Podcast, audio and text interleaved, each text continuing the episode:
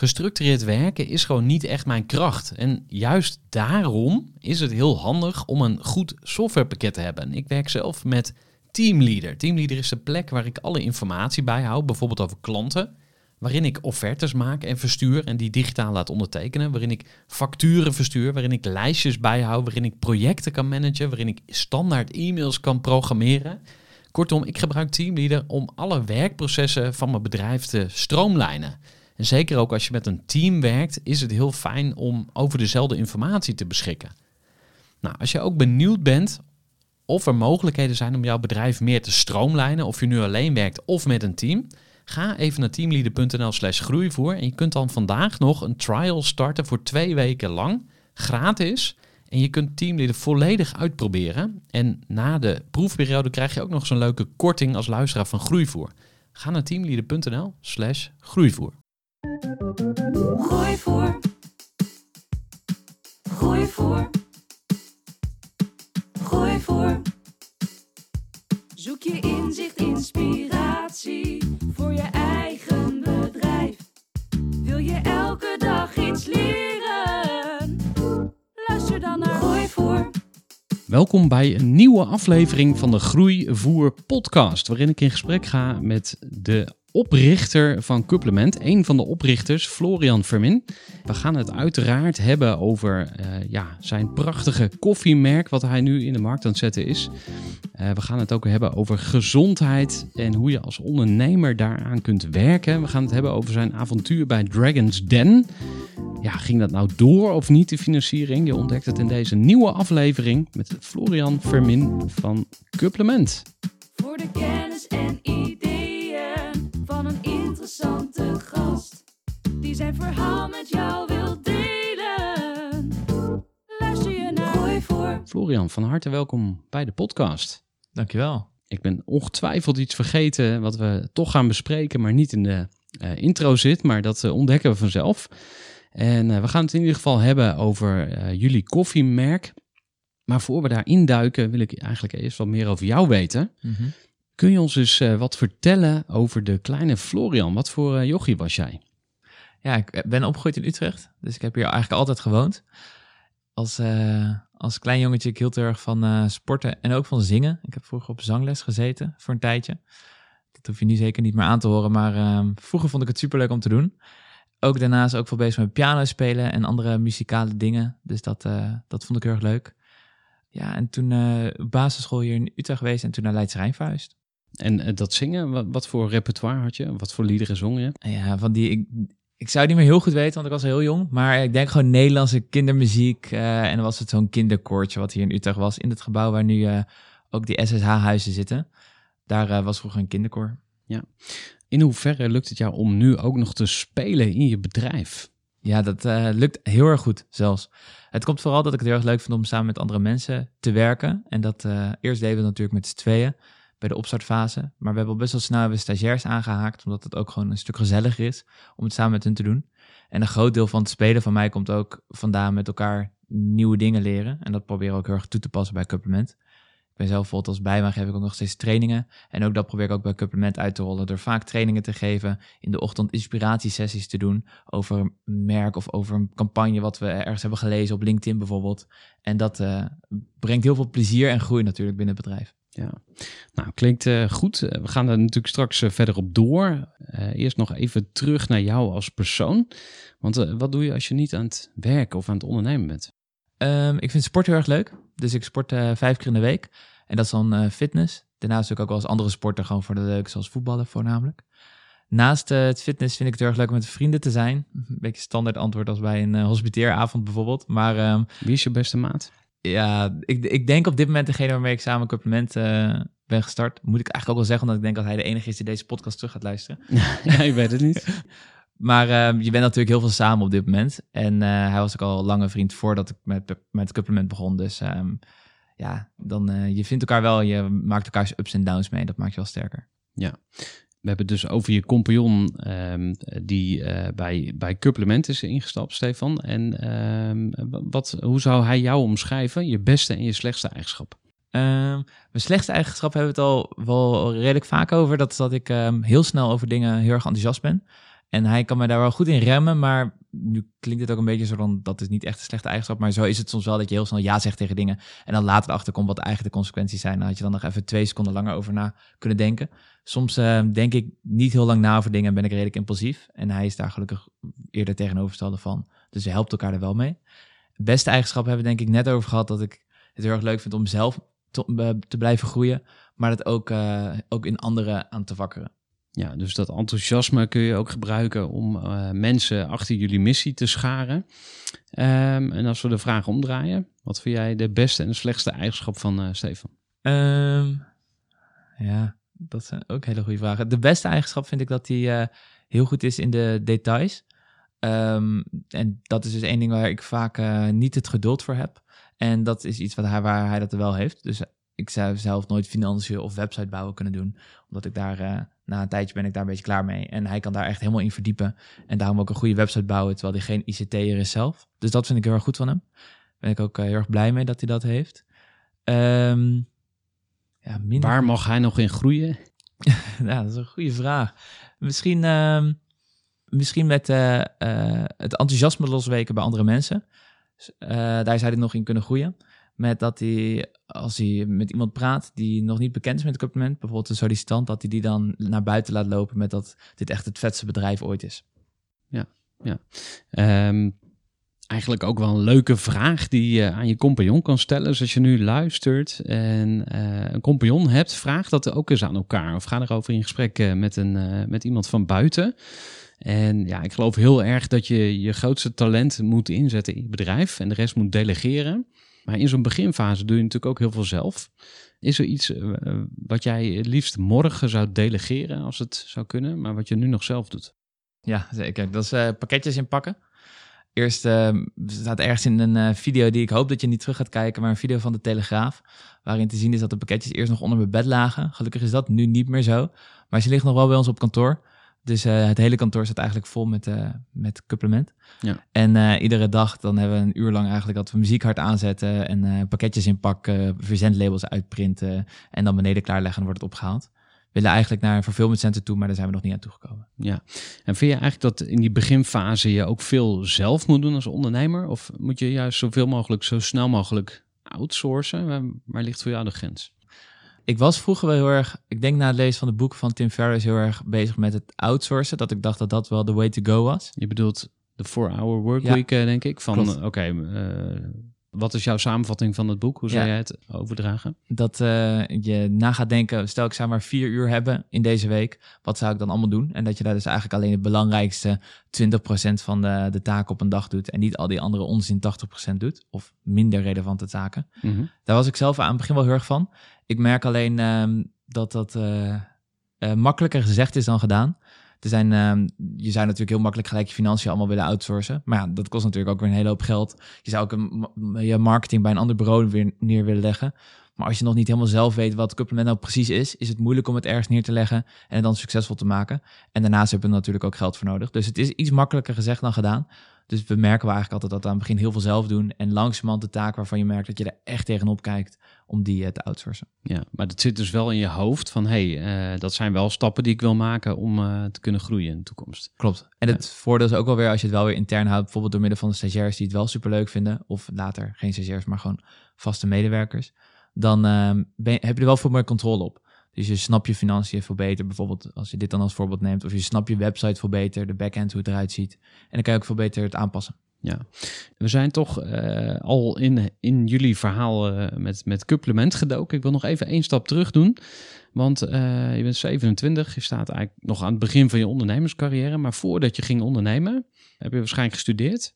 En dit is ook niet je eerste bedrijf. Hè? Dus wil je die twee dingen eens uit de doeken doen? Ja, zeker. Ik heb eerst een bachelor gedaan aan de Han eh, Sport- en Gezondheidsmanagement. En toen na die bachelor was ik begonnen aan mijn pre-master. En tijdens die pre-master was ik samen met een vriend van me op het eh, idee Foodsie gekomen. Ook een leuke iemand om een keer hier uit te nodigen. Ehm, en daar waren we dus gaan kijken naar... eh, ja, we hadden zelf het probleem dat we eh, straatverkopers eh, waren. Dat was niet het probleem, maar dat we dus terugkwamen op het station. En dan eh, wouden we snel langs de rij lopen eigenlijk om je eten te halen om de bus te pakken. Maar dat kon niet. En jullie wij- werkten bij, bij Pepperminds. Precies, Ja, ja, bij ja, Pepperminds, ja. En toen zijn we dus op dat idee gekomen om een app te hebben... waarbij je langs bij de Burger King, Starbucks en al die winkels... van tevoren kan bestellen, langs de rij kan lopen, het pakken en op kan halen. Dus eigenlijk niet hoeft te wachten en dat binnen vijf seconden weer weg bent. Nou, dat was, een, eh, was erg leuk om te doen. Twee jaar lang fulltime gedaan. En vanuit daar ben ik toen toch eh, de beslissing gemaakt om niet meer fulltime erbij betrokken te zijn. Maar daarna eh, mijn studie gaan afronden. Dus ben ik de pre-master gaan doen en de master gaan doen. En tegelijkertijd op dit idee gekomen. Ja, en Foodsie is dus food op zijn Engels en dan SI daarachter. Hoe, hoe kwamen jullie op die naam?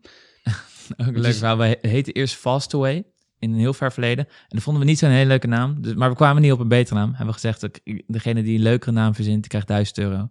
En zo is iemand op de naam Foodsie gekomen. Ja. En uh, je hebt nog aandelen blijkbaar. Uh, hoeveel?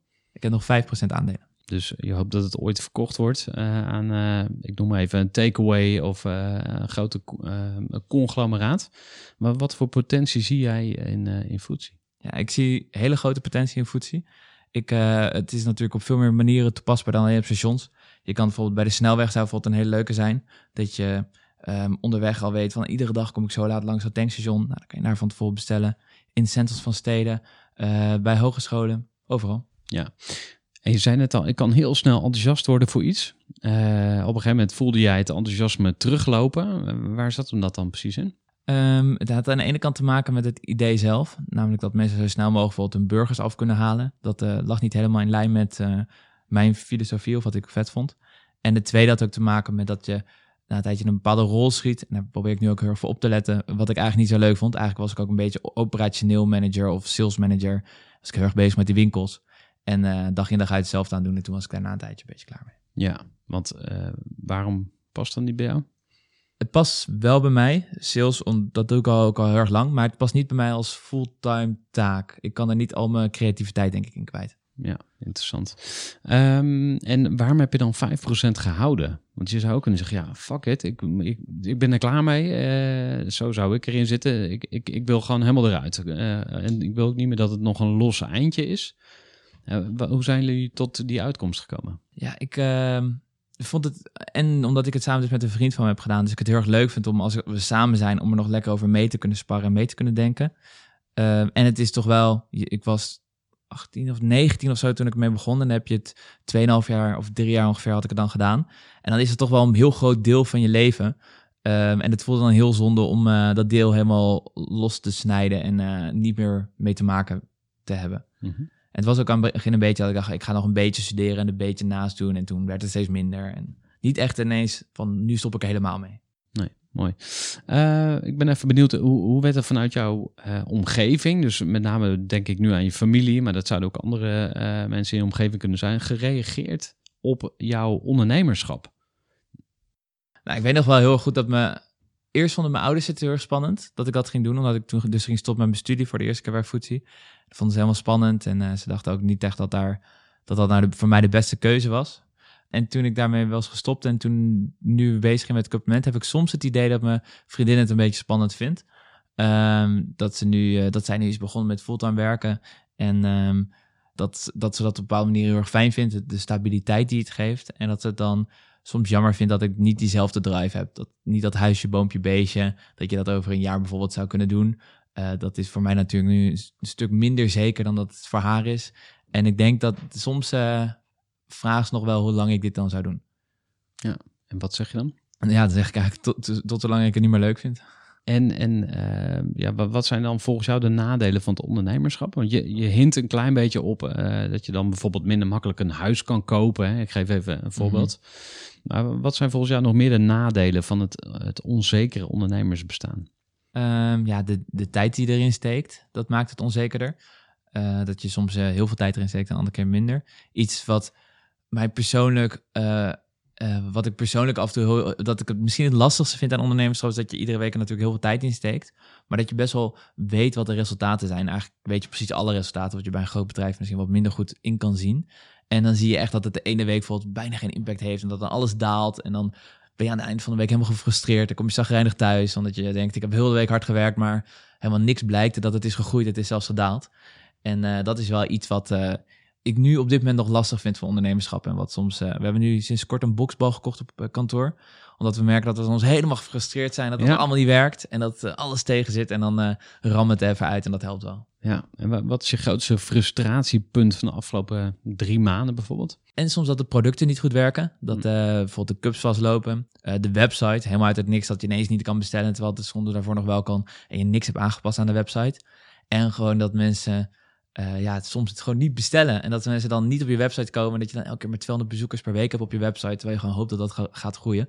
En dan ineens groeit het super erg. En dan denk ik van, hoe komt het nou? Want ervoor deed ik precies hetzelfde. Ja, ik herken wel wat dingen die je, die je noemt. Ik heb natuurlijk zelf ook eh, vanuit mijn eh, studententijd een bedrijf opgericht. En een van de dingen die ik herken, en ik zou, ik zou het mood swings noemen, zeg maar. Dat je Mhm. echt enorme hoogtepunten hebt, maar ook echt die dalen. Eh, misschien leuk om even te springen naar jouw eh, personal development, jouw persoonlijke groei. Want daar ben je dus blijkbaar ook veel mee bezig. In het verleden ook al en nu ook. Eh, ik zag dat je ook iets gedaan hebt met rituals, of rituelen. Hoe, hoe kun je met rituelen je leven verbeteren? Wat zijn voor jou tot nu toe de grootste lessen die je meeneemt over persoonlijke ontwikkeling? Moeilijke vraag, maar Ja, je hebt de tijd. Ehm er komen gelijk heel veel bij mezelf naar boven springen. Eentje heeft dan ehm, heeft veel te maken met, het, eh, met discipline. Dat is een, eh, iets waar ik veel mee bezig ben. Heeft ook te maken met die rituals. Is dat ik het aan het begin, eh, toen ik net begon met sporten, vond ik het lastig om te sporten. Lastig om gezonder te eten. Lastig om minder te drinken. En ehm, merkte ik dat ik daar gewoon weinig discipline van had. En toen had ik een paar dingen daarover gelezen over boek Willpower. En die gaat er dan over dat het een soort van spier is. En dat je die dus kan trainen. En dat je dus kan beginnen met dingen die een klein beetje wilskracht kosten. En dat je vanuit daaruit die spier traint en dan ook dingen kan doen die meer wilskracht kosten. En toen ben ik dus begonnen met hele kleine dingen. Als bijvoorbeeld in de ochtend niet snoezen, maar gelijk opstaan als de wekker gaat. Nou, daarna iets groter, bijvoorbeeld koud afdouchen aan het einde bij douchen. En ik merk dat daardoor mijn wilskracht echt getraind werd. En dat ik daardoor ook grotere dingen kon doen die veel meer wilskracht kosten. Bijvoorbeeld 48 uur lang vasten en dan nog aan het einde gaan sporten. Of inderdaad lang doorwerken, eh, veel sporten en gezond eten. En ik merk echt dat die kleine eerste stappen mij heel erg erbij hebben geholpen. Door niet gelijk te willen stoppen met bijvoorbeeld, ik zeg maar iets roken. Maar dan eh, eerst de kleine dingen te gaan doen om je wilskracht te trainen. Om daarna die grote stap te nemen. Dus dat is iets eh, wat mij heel erg heeft geholpen. Even een korte onderbreking met een belangrijke vraag aan jou. Want wat heb jij geregeld voor het geval je van de ene op de andere dag zou komen uit te vallen? Wat gebeurt er dan met je bedrijf, maar vooral wat gebeurt er met jou persoonlijk en ook in financieel opzicht? Samen met ASR voerde ik drie openhartige gesprekken over tegenslag en veerkracht. En dat deed ik met Saskia, Vincent en Pieter. Ondernemers met een bloeiend bedrijf die van de ene op de andere dag niet meer konden werken. En die verhalen hoor je in aflevering 256, 257 en 258 van deze podcast. Als ondernemer wil je natuurlijk niet uitvallen. En daarom is het belangrijk dat je veerkrachtig bent, want voorkomen is beter dan genezen. En als het dan toch misgaat, is het fijn dat je iets geregeld hebt, zodat je weer snel door kunt met ondernemen. Wil je weten hoe veerkrachtig jij nu bent? Vul dan in twee minuten de veerkrachttest van ASR in. Ga naar asr.nl slash veerkrachttest ondernemers. Ja, en eh, willpower klinkt echt als heel erg je best doen. Eh, maar je hebt het ook over een soort van gewoonte. En op een gegeven moment is het zo ingesleten dat je eigenlijk ook niet meer heel erg hard hoeft te werken. Tenminste, dat eh, kan ik me voorstellen. Wat, wat is een, een, een gewoonte waarvan je denkt dat die heel erg helpt bij het ondernemen? Ik denk sporten, dat dat heel erg helpt bij het ondernemen. Waarom dan? Het heeft toch niks met klanten te maken of medewerkers vinden? Of... Ik denk voornamelijk vanwege je energie die eh, het oplevert. Ik sport dus zelf iedere ochtend eh, eh, voor, voor de werkdag. En ik merk als ik niet sport dat ik dan ook gedurende de dag kan natuurlijk ook deels tussen oren zitten. Maar minder energie ben, heb, minder wakker ben die dag. Dus dat helpt mij heel erg. Ook helpt het heel erg om het aan, bij mij om aan het eind van de dag te doen. Om je hoofd weer even leeg te maken. Omdat je gewoon met niks bezig bent, behalve met die harde muziek die in zit. En, ehm, en gewoon trainen en niet meer die gedachten de hele tijd door je hoofd. Dus dat is één ding. Er zijn wel meerdere dingen. Bijvoorbeeld, eh, ik denk ook dat mediteren er bijvoorbeeld heel erg bij helpt. En natuurlijk gezonde voeding, dat het ook erg helpt. Ja, en eh, als, je, als het je niet lukt om dan eh, de discipline op te brengen, wat, wat is dan eh, je tip? Ja, dan zou ik dus beginnen met iets kleins. Waar je dus bijvoorbeeld niet op snoes klikken. Dat was bij mij de eerste stap. Waarbij je dus merkt dat je je wilskracht kan trainen. Daarnaast zorgt het ervoor dat je hem inplant, mocht het nog steeds kunnen. Ik merk dat dat heel erg helpt bij veel mensen. Dat je, dan kan je het moeilijker afzeggen, omdat je hem hebt ingepland in de app. Je kan ook commitment geven aan andere mensen. Bijvoorbeeld tegen je compagnon zeggen, eh, morgen ben ik een uurtje later, want ben ik in de ochtend sporten. Of ga ik iets Ja. eerder weg, want dan ben ik sporten. Waardoor je ook al tegen iemand anders hebt gezegd en een beetje beloofd hebt dat je gaat sporten. Of met je compagnon gaan, eh, gaan trainen zou Ook nog leuk. een stap kunnen zijn. Ja, Doen jullie dat wel eens? Of, eh, We hebben het heel echt. vaak gedaan, ja. Klopt. Ja. We sporten nu bij een andere sportschool, maar we hebben het inderdaad heel vaak gedaan. Ja, grappig. Ja, wat voor mij heel goed werkt is een personal trainer. Eh, en, en ik heb een, een eh, schop onder mijn kont gehad van iemand binnen de groeiclub.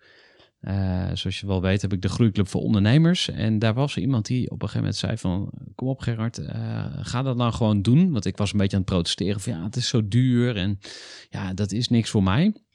En dit is alweer ruim een jaar geleden. Maar zij, Debbie heet ze, Debbie Boekhout. Zij heeft mij echt, echt de, dat, dat randje overgeholpen in positieve zin.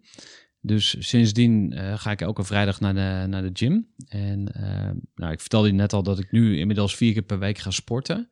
Maar dat is niet waar ik begonnen ben. Eh, mijn, mijn startpunt was het kopen van een Fitbit. En toen ging ik 10.000 stappen per dag lopen en heel veel podcasts luisteren. En op een gegeven moment zei een vriend van, zullen we een keer gaan wielrennen? Nou, is goed, ging mee. Mijn zus die zei van, hey Gerard, zullen we een keer gaan, gaan, gaan hardlopen? Ja, is goed. En nu ben, zit ik dus... eh, maar dat heeft me 2,5 eh à 3 jaar gekost om daar te komen. Eh, maar je moet wel ergens beginnen. En het is echt een lange termijn investering. Ik vind het heel grappig dat je dit, dit noemt als basis voor ondernemerschap.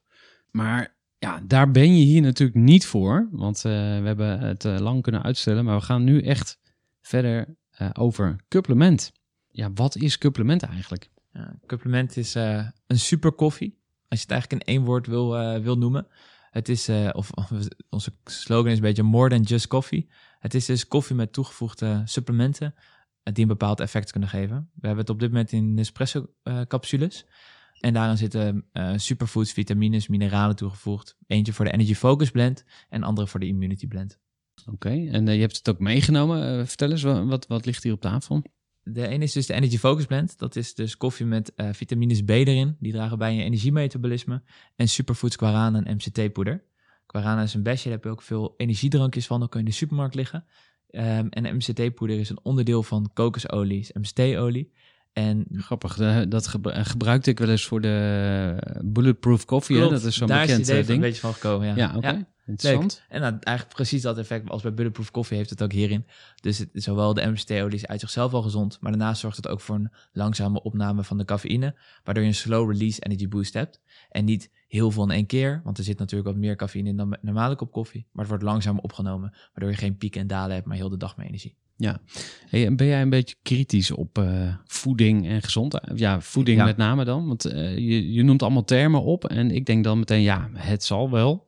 Eh, want iedereen die roept dat zijn product gezond is. Maar hoe, hoe hebben jullie dat gevalideerd? Ja, de beste validatie denk ik die je kan, kan krijgen is die van de claim database. Het is best wel lastig voordat je daarin mag komen, voordat je een claim mag maken dat iets, iets daadwerkelijk doet. Ehm, en we hebben dus eigenlijk alleen maar supplementen genomen en claims genomen die dus ook in die database te vinden zijn. En er moet heel veel wetenschappelijk onderzoek zijn gedaan voordat het dus daadwerkelijk die claim mag hebben. Dus aan dan daarvan doen we het. En we passen ook heel vaak producten aan. We doen zo klein mogelijke batches, zodat we iedere keer weer vitamine eruit, eh superfood erin en zo een beetje switchen en het telkens proberen te optimaliseren. Eh, v- voor wie is het eh, product gemaakt? Wat zijn jullie doelgroepen? Het is eh, qua leeftijd en qua geslacht is het echt van alles en nog wat. Maar het zijn dus mensen die wel bezig zijn met de gezondheid, maar niet dag in dag uit op blogs struinen, allemaal verschillende poedertjes en pillen te kopen. Eh, want die mensen die hebben vaak al heel een supplementenkast vol zitten. Het zijn de mensen die op een makkelijke manier eigenlijk gezonder willen leven, zonder al te veel onderzoek te doen. Dus ook een beetje de mensen die naar de personal training studio zouden gaan bijvoorbeeld. Eh, Wat voor markt richten jullie je? Zeg maar, eh, kijk je alleen naar Nederland of hebben jullie ook eh, ambities over de grens? Wat, eh, ja, hoe groot denken jullie? Ja, we hebben natuurlijk ook ambities over de grens. We bestaan nog geen jaar, we zijn iets meer dan een half jaar. En we zijn nu nog echt aan het focussen binnen Nederland. Eh, mocht dat goed lopen, mocht het bijvoorbeeld bij een grote supermarkt liggen, dan willen we daarna zeker de stap maken ook over de grens. Eh, vind, je het spannend? Is, is het moeilijk? Zeg maar, in die, is het lastig om in die foodmarkt een voet aan de grond te krijgen? Ja, zeker. Het is best wel lastig. Het is, ehm, je bent heel erg afhankelijk van veel partijen. Online wordt niet super veel koffie verkocht. Echt minder dan 3% van alle koffieverkoop is online. Eh, de meeste mensen kopen het gewoon nog in de supermarkt. En dan ben je wel altijd afhankelijk van een andere partij, namelijk de supermarkt en de category manager, om het daar een succes te kunnen maken. Dus dat maakt het wel moeilijk. En hoeveel heb je er gesproken tot nu toe? Uh, ja, we hebben nog niet echt een gesprek gehad met de, supermarkt met de supermarkten zelf. Om meerdere redenen begonnen we bij de kleinere webshops en dat soort dingen. En uh, daar werden echt, ja, ik denk, meer dan honderd van gesproken. Ja, en waarom niet de supermarkten? Omdat uh, de grootste reden is dat je daar eigenlijk maar één kans hebt, bijvoorbeeld bij de Jumbo. En mocht het product nog niet optimaal zijn... You don't mocht want to screw it up, zeg maar. Precies, Ja? en daarom willen we eerst beginnen met de kleinere winkels en het product verder optimaliseren. Totdat we echt op een stap zijn dat we de cups goed doorlopen, de smaak goed is. En dan willen we eigenlijk pas naar de supermarkt toe gaan. Aha, dus jullie zijn eigenlijk in beta gelanceerd, om maar eens even slecht eh, Nederlands te gebruiken. En, en wie begeleid je daar dan bij? Want heb je dan, eh, weet ik veel, een of andere goeroe uit de foodwereld die, die ervaring heeft met zoiets? Of eh, verzinnen het allemaal zelf? Uh, dat zou echt mooi zijn als we zo moeten hebben. Dus mocht er zo iemand zijn die het leuk vindt om uh, ons te coachen, uh, zeker heel erg welkom om een mail te sturen. Maar we hebben nu vooral een, um, een maillijst, advisory board noemen we dat. En dat zijn allemaal mensen die we kennen die bezig zijn met ondernemerschap, financiën of andere dingen. En iedere maand krijgen ze allemaal een mailtje, een soort van nieuwsbrief voor het advisory board met wat we gedaan, waar we tegenaan lopen, welke vragen we hebben. En dan krijgen we heel vaak reacties van, oh, ken nog wel iemand die dat doet. We willen nu bijvoorbeeld overgaan naar Shopify. Dan zetten we dan in de mail. En dan krijgen, kennen we heel veel mensen die weer zeggen, oh, ik heb er wel ervaring mee. En die willen dan graag even over bellen. Heel interessant. Uh, hoeveel mensen staan er op die lijst dan? Uh, ik denk een stuk of 50 op dit moment. Ja, dat kan natuurlijk niet dat je dat met duizenden mensen uh, Nee. gaat doen. Of het zou kunnen, maar uh, het vergt ook dat je heel kwetsbaar opstelt. Wat, wat is daar dan bijvoorbeeld uitgekomen? Uh, ja, bijvoorbeeld dat we in contact zijn gekomen met mensen die een Shopify-site hebben gemaakt en die daarover willen bellen over de voor- en nadelen van WordPress versus Shopify bijvoorbeeld. Mensen die contact hebben met winkels of uh, yoga-studio's uh, waar ze ons dan willen introduceren. Dus echt heel veel verschillende dingen. Uh, bijvoorbeeld wij sta stonden toevallig vandaag ook bij Too Good To Go met één product die ook niet te koop is op de website. Omdat we daar gewoon niet tevreden over waren, verkopen die niet. En waren ook helemaal aan het twijfelen, ja, gaan we het gewoon stil weggooien?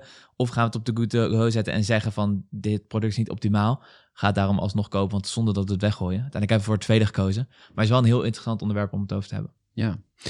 Uh, als we het over de distributie hebben, want je vertelde al, jullie zijn nu zelf uh, zeg maar, uh, het product naar de klant aan het brengen. Hoe, hoe, ziet dat er in de toekomst uit, hoop je? Ja, gewoon, we hopen via Fulfillment Center naar de retailers toe te, te kunnen schepen. En vanuit daar, dat we vanuit daar de klanten bereiken. Natuurlijk hopen we ook nog steeds dat we via onze eigen website blijven bestellen. Um, en we hebben bijvoorbeeld ook een abonnementsmodel op onze website. En ik hoop dat dat dan het voordeel is dat mensen toch wel ook naar onze website gaan en daar een abonnement afsluiten. Ja, maar dat is misschien ook een van de lastigste dingen. Want je zei al, 3% van de mensen uh, koopt online. Dus dat is een, hele kleine minderheid.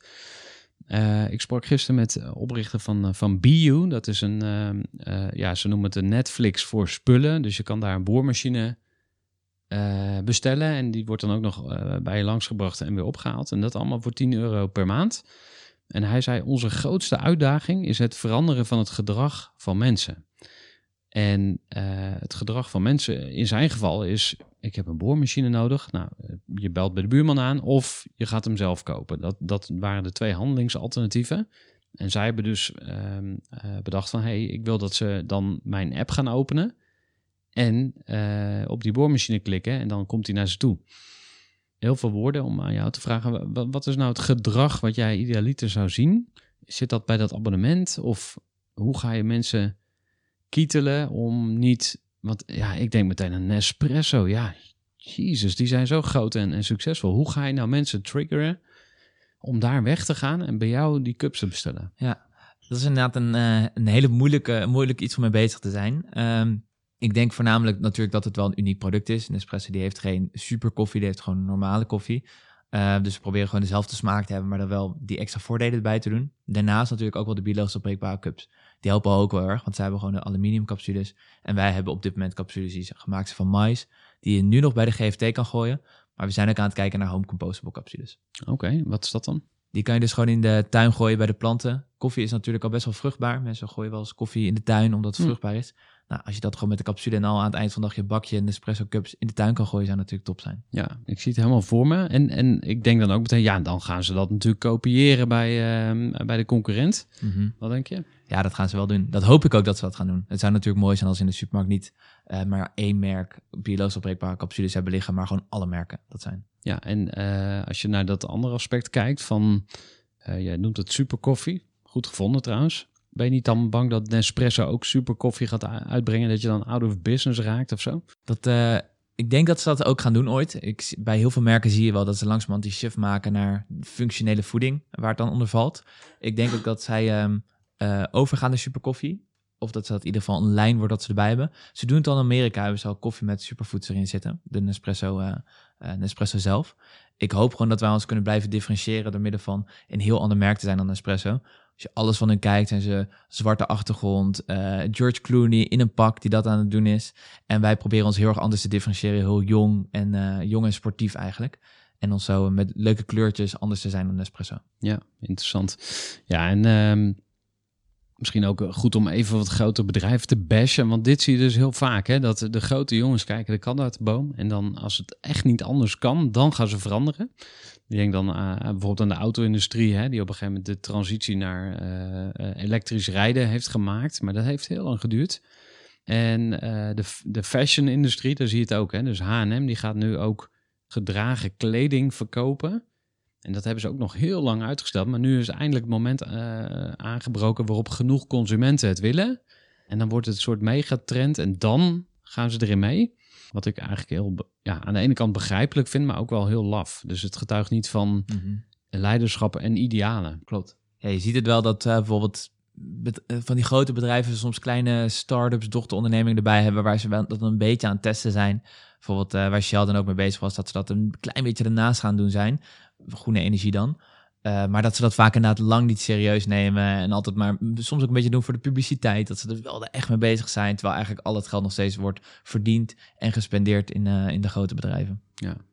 Ja, en ik moest ook, ook denken van, eh, het mag je ook niet ontmoedigen. Hè? Want ik, heb, ik krijg zelf wel eens het gevoel van, ja, de markt is verzadigd. In- Gewoon in zijn algemeenheid. Van Ja. hoe, hoe kom je godsnaam als, als, klein, als kleine ondernemer zonder enorme diepe zakken, hoe kun je ergens nog eh, in een markt stappen?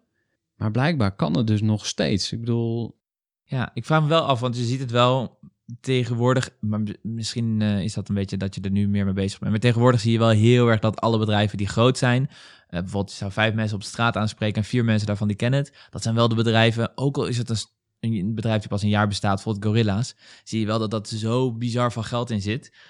Na een tijdje lijkt het wel alsof je als je echt groot wil worden, dat je gewoon honderden miljoenen nodig hebt eh, tot een miljard, wat ze nu laatst hebben opgehaald om een beetje te kunnen groeien. Dus ik denk uiteindelijk wel dat geld misschien wel de belangrijkste rol is om, eh, om een bedrijf echt, echt groot te maken. Maar het ligt natuurlijk aan je ambities. ja, het is een mooi eh, bruggetje naar jullie avontuur met Dragon's Den. Want jullie zijn op tv geweest. Ja.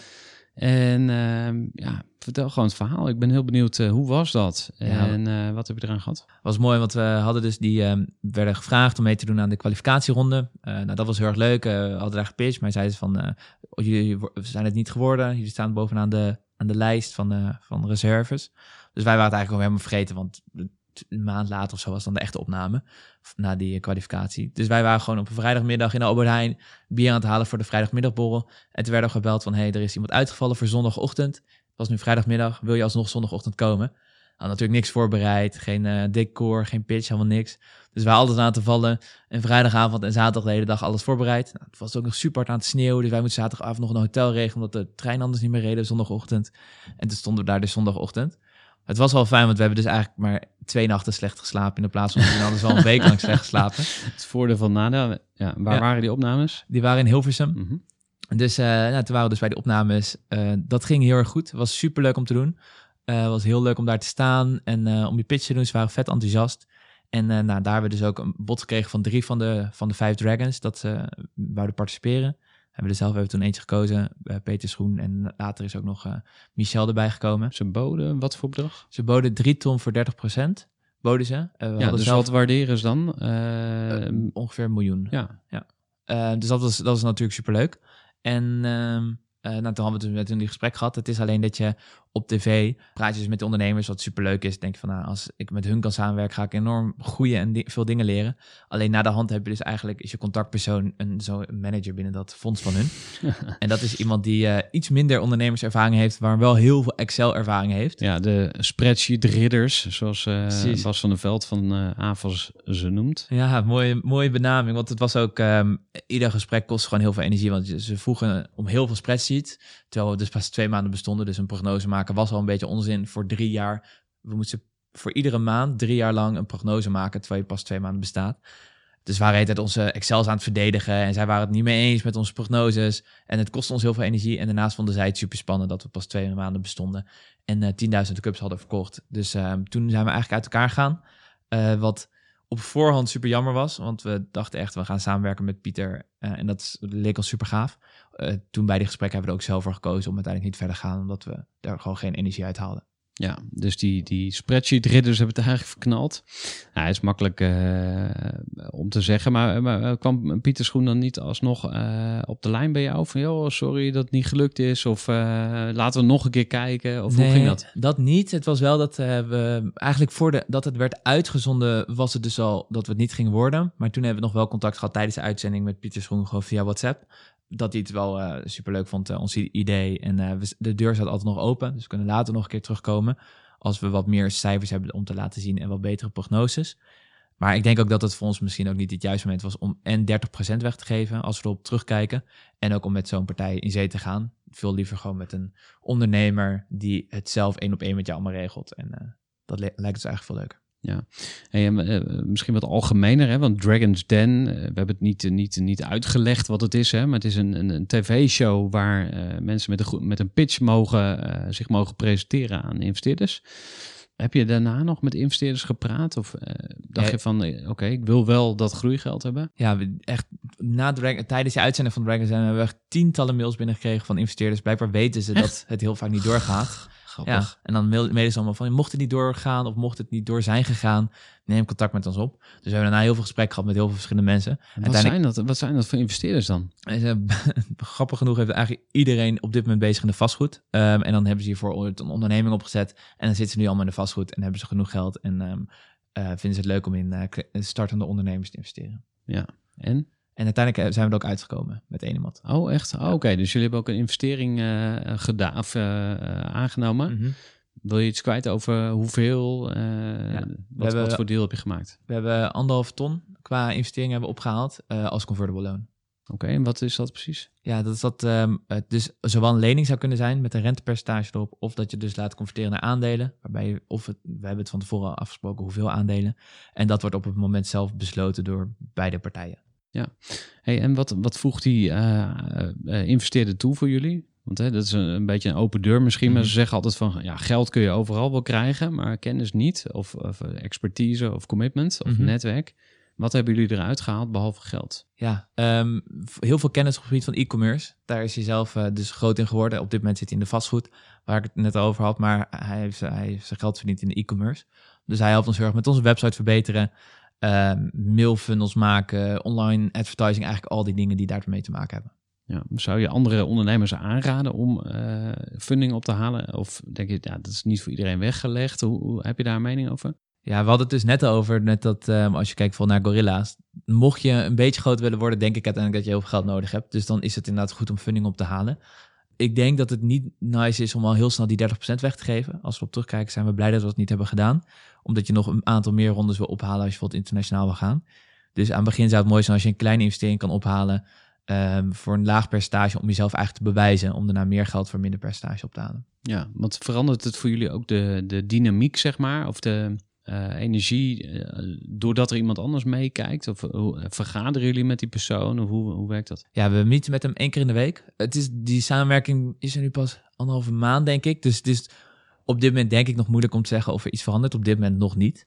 Is er nog niks veranderd, wat Nee. heel fijn is. Ja, maar je hebt wel een stok achter de deur, hè? Want we hadden het over personal trainer die eh rondschopt, zeg maar. Dat werkt voor mij heel goed. Ja. Als ik een investeerder zou hebben die tegen mij zegt van... Yo, gast, leuk idee, maar volgens mij hebben we een andere prioriteit op dit moment. Of ehm, waarom zijn de cijfers al, eh, al zo lang minder dan we gedacht hadden? Klopt. Ja, dat, dat hoop je van hem eh, uit te halen. En dat merken we nu ook al een beetje dat, dat hij heeft. Hij zorgt bijvoorbeeld, we hadden het ook al in het voorgaand gesprek over dat, we, dat je honderd ideeën misschien wel hebt op een dag die leuk zijn.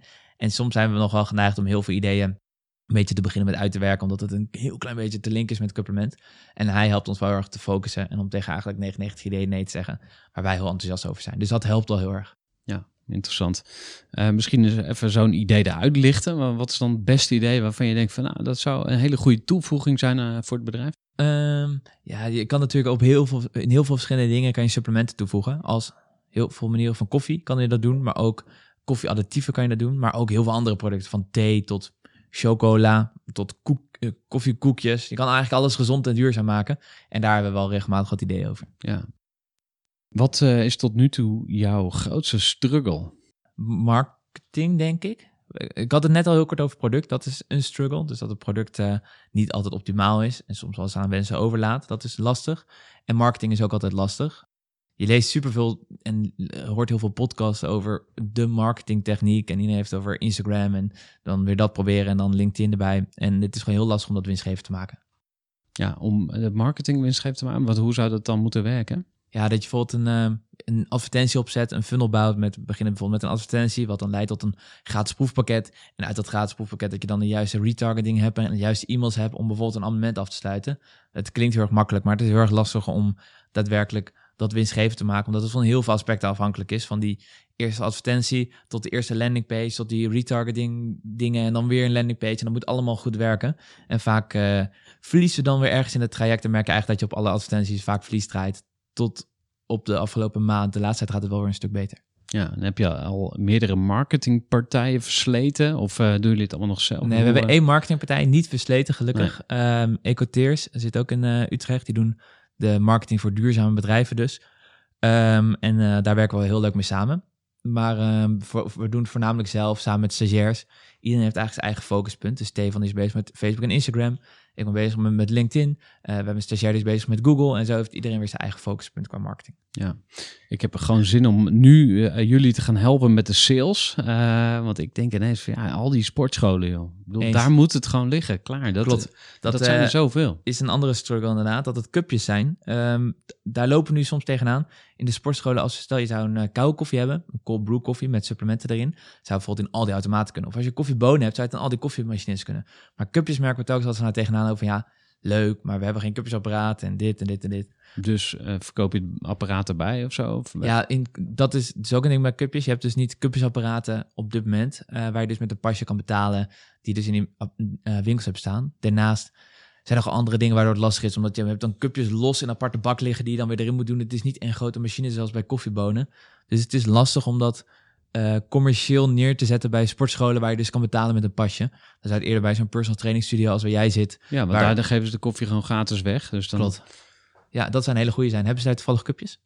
Volgens mij wel. Nice. Nou, dan ga we gaan zo uh, in, in, de, in de, na de wedstrijd gaan we nog even uh, daarover doorbabbelen. Ik vroeg naar je grootste struggle. Wat, wat is je grootste succes? Waar heb je echt nog steeds uh, kippenvel van? Of een heel goed gevoel in ieder geval? Ja, Dragon's Den was natuurlijk een groot succes. Het was dat we daarvoor al waren uitverkocht. In de ochtend voor de uitzending was in de avond. Waren we al uitverkocht vanwege het artikel AD, artikel nu.nl, de Telegraaf. Uh, dus hadden we de, kon je het uh, pre-orderen tijdens de aflevering. Maar ook super veel pre-orders gehad. Dus dat was wel een heel groot succes op PR-gebied. Ineens kenden super veel mensen je. Terwijl daarvoor alleen je vrienden en familie eigenlijk supplement kenden. Ja, want hebben die veel cups uh, gekocht? Ja, die hebben zeker veel cups gekocht. Dat was eigenlijk de eerste twee maanden onze enige klanten, vrienden en familie. Ja, Fools, Friends en Family. En uh, vroegen ze om korting? uh, ik denk wel een paar mensen dat ze wel een korting vroegen. Wij geven ook wel eens korting gewoon vrijwillig zonder dat we om vragen aan mm. mensen. Ja, ik werd daar vroeger echt, echt doodziek van. Ja. Uh, we hadden toen uh, klussen, service en verhuizen en zo. En dan zeiden mensen al, ja, kan ik nog een vriendenkorting krijgen? En dan uiteindelijk zeiden wij van, nee, je moet een vriendentoeslag betalen. Want jij, jij bent mijn vriend. Leuk. dus betaal maar wat extra omdat je me zo gunt. En? Stond het daarvoor op? Nou, niet vaak. Maar op een gegeven moment zijn we gestopt met voor vrienden werken. Want uh, dan had je een verhuizing gedaan en dan was het toch iets kapot gegaan, wat wel eens gebeurd. Mm -hmm. uh, en dan uh, zat je iedere keer op de verjaardag elk jaar dat verhaal aan te horen van die ene tafel die, ja, ja, waar een kras op kwam. Nou, ik was er helemaal klaar mee. Maar voor, voor ja, het is wel je tribe, zeg maar. en, en in marketing gaat het ook over tribes. Um, ga ik nu niet over uitweiden, maar ja, je hebt ze wel nodig als lanceerplatform. Misschien nog even naar de toekomst kijken, want jullie zijn nog lang niet klaar. Mm -hmm. um, wat mij opvalt aan jou is dat je ook stevig in je schoenen staat. He, dus ik heb echt geprobeerd om je een beetje uh, moeilijke vragen te stellen, maar je staat nog overeind. dus dat, dat geeft uh, volgens mij een goede, goede basis om door te groeien. Waar, waar, hoop je over tien jaar te staan? Over tien jaar hopen we, ik zou niet precies, precies weten welke landen allemaal wel, maar het zou natuurlijk leuk zijn binnen Europa en Amerika uitgerold te zijn.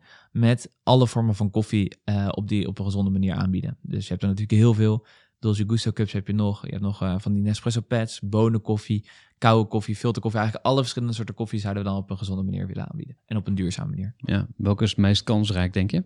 Eh, dat is een hele goede vraag. Ik denk, ehm, ik denk koude koffie dat dat eh, het, de grootste groep heeft, aangezien iedereen dat kan drinken. Je hebt een apparaat nodig. Je hebt gewoon van die ice koffie of cold brew koffie dat je gewoon kan kopen in de supermarkt. Maar wie koopt er nou koude koffie? Of, ja, wat- die, heel veel mensen kopen dat. Die ijskoffies die je kan kopen van de Douwe Egberts heeft dat, Starbucks heeft dat en die liggen ook bij de Albert Heijn. En iedere jaar zie je dat schap groeien van eh ijskoffies. Maar er zit allemaal suiker in. Precies. Ik heb het al eens een paar keer ge- Klopt. gekocht. Ja, gewoon puur uit nieuwsgierigheid. Ja. Maar het is hartstikke ongezond, toch? Precies, dit is echt daarom de perfecte markt voor supplement. Wij willen, zijn dus bezig met inderdaad dat dus op een gezonde manier aan te kunnen bieden. Ja, interessant. En hoe, hoe ziet je organisatie er dan uit, denk je? Het lijkt me leuk dat je dan niet de marketing en de sales en alles hebt uitbesteed, maar dat je dat intern hebt gehouden. Dat lijkt me heel erg gaaf. Dus ehm, ja, kantoor met eh, een soort dan heel levendig, open, duurzaam kantoor. eh, waar dus eigenlijk allemaal eh, jonge mensen rondlopen met allemaal vette ideeën. Super creatief en leuk. Dat lijkt me heel gaaf. Sportief. Een eigen sportschool erin. Dat zou echt top zijn. Ja, nou, ik zie het helemaal voor me. Ik moest ook even aan Dopper denken. Ja, ik, kom de hele eh, op ideeën van mensen die ik al gesproken heb. Maar daar werken ze met 100 man. Slash vrouw. Met name vrouwen volgens mij zelfs. Ehm, en oprichter-eigenaar was hier Marijn Everaerts. Die heeft Dopper eh, opgericht. En hij zit in een compleet vrije rol. Hij heeft een CEO, die heeft de dagelijkse leiding. En daar, die runt zeg maar die organisatie met 100 mensen. En die zijn ook continu bezig met nieuwe producten, nieuwe kleuren, nieuwe samenwerkingen. Dus ik zie dat bij jullie ook helemaal voor me. Dat daar inderdaad allemaal mensen rondrennen die nieuwe koffies verzinnen. En, maar goed, je moet nu eerst die basis op orde krijgen, zien te overleven. Eh, hoe, hoe kunnen we jou daarbij helpen? Leuke vraag. Ehm, nou, natuurlijk als je een espresso liefhebber bent, dan zou het natuurlijk leuk zijn als je zo'n eh, een cupje wil proberen. En dan ben ik heel benieuwd wat je ervan vindt. Daarnaast eh, hadden we het dus net over marketing en over de retail. Binnen de retail hebben we zelf helemaal geen ervaring, geen netwerk, eigenlijk helemaal niks. Dus dat zijn we nu helemaal vanaf grond af aan het opbouwen. Mocht eh, je binnen de retail mensen kennen waarbij het leuk zou zijn om in gesprek te gaan, die voor ervaring daar binnen hebben, dan staan we daar heel erg voor open. Ja, super cool. En aan welke missie kunnen mensen dan bijdragen? Ehm, aan eh, mensen helpen het maximale uit een dag te halen. En dat op een duurzame manier. Zowel voor jezelf dus duurzaam. Dus niet het maximale uit jezelf halen door middel van drie blikken Red Bull achter elkaar opdrinken. Eh, wat misschien ook voor een paar seconden helpt om het beste uit jezelf te halen. Maar op een duurzame manier voor jezelf en voor de wereld. Ja, mooi. Ehm, we gaan afsluiten met jouw eh, beste advies aan andere ondernemers. Want eh, je staat nog aan het begin van je ondernemerscarrière, maar je hebt toch al best veel mee- meegemaakt. Je gaf net ook al adviezen hè, om, om met je gezondheid aan de slag te gaan. Maar misschien heb je nog iets anders. Als je nu Mhm. terugkijkt op al je ervaringen als ondernemerschap, wat is dan jouw grootste les die je graag aan anderen Ja. doorgeeft? Mocht je met een, ehm, met een co-founder die je al van tevoren al kent. Wat ik dus twee keer heb meegemaakt als vriend zijnde kent. ehm, het gaan starten. Dan denk ik dat het allerbelangrijkste is dat je ook friendtime in blijft plannen. Waarbij je dus niet of zo min mogelijk, het is moeilijk om niet te praten, maar zo min mogelijk praat over, eh, over ondernemerschap of over je bedrijf en zoveel mogelijk gewoon gezellige dingen doet. En dat ik standaard blijft inplannen, zodat je ook vrienden blijft en niet alleen zakenpartners gaat worden.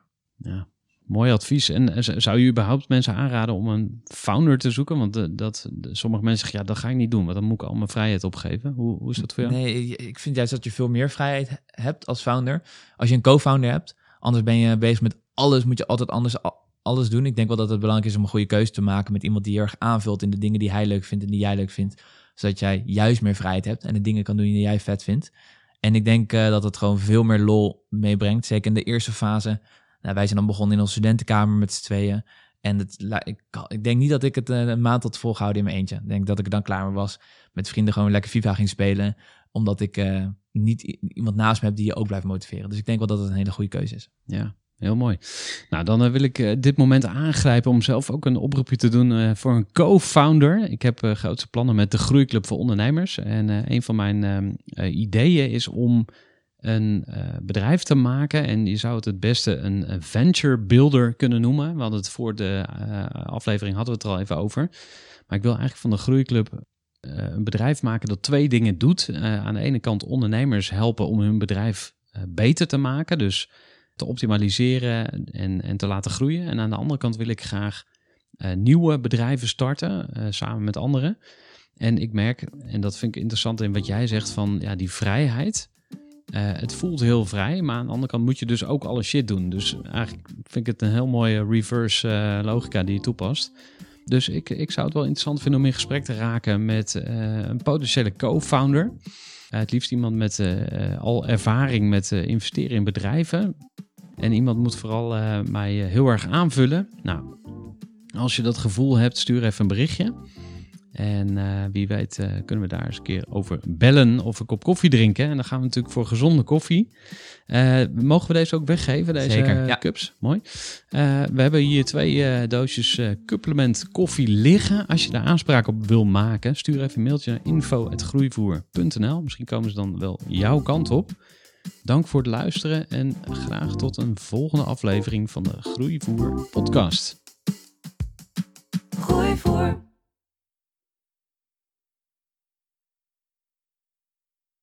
Gestructureerd werken is gewoon niet echt mijn kracht. En juist daarom is het heel handig om een goed softwarepakket te hebben. Ik werk zelf met Teamleader. Teamleader is de plek waar ik alle informatie bijhoud, bijvoorbeeld over klanten. Waarin ik offertes maak en verstuur en die digitaal laat ondertekenen. Waarin ik facturen verstuur, waarin ik lijstjes bijhoud, waarin ik projecten kan managen, waarin ik standaard e-mails kan programmeren. Kortom, ik gebruik Teamleader om alle werkprocessen van mijn bedrijf te stroomlijnen. En zeker ook als je met een team werkt, is het heel fijn om over dezelfde informatie te beschikken. Nou, als je ook benieuwd bent of er mogelijkheden zijn om jouw bedrijf meer te stroomlijnen, of je nu alleen werkt of met een team, ga even naar teamleader.nl slash groeivoer en je kunt dan vandaag nog een trial starten voor twee weken lang, gratis. En je kunt Teamleader volledig uitproberen. En na de proefperiode krijg je ook nog zo'n leuke korting als luisteraar van Groeivoer. Ga naar teamleader.nl slash groeivoer.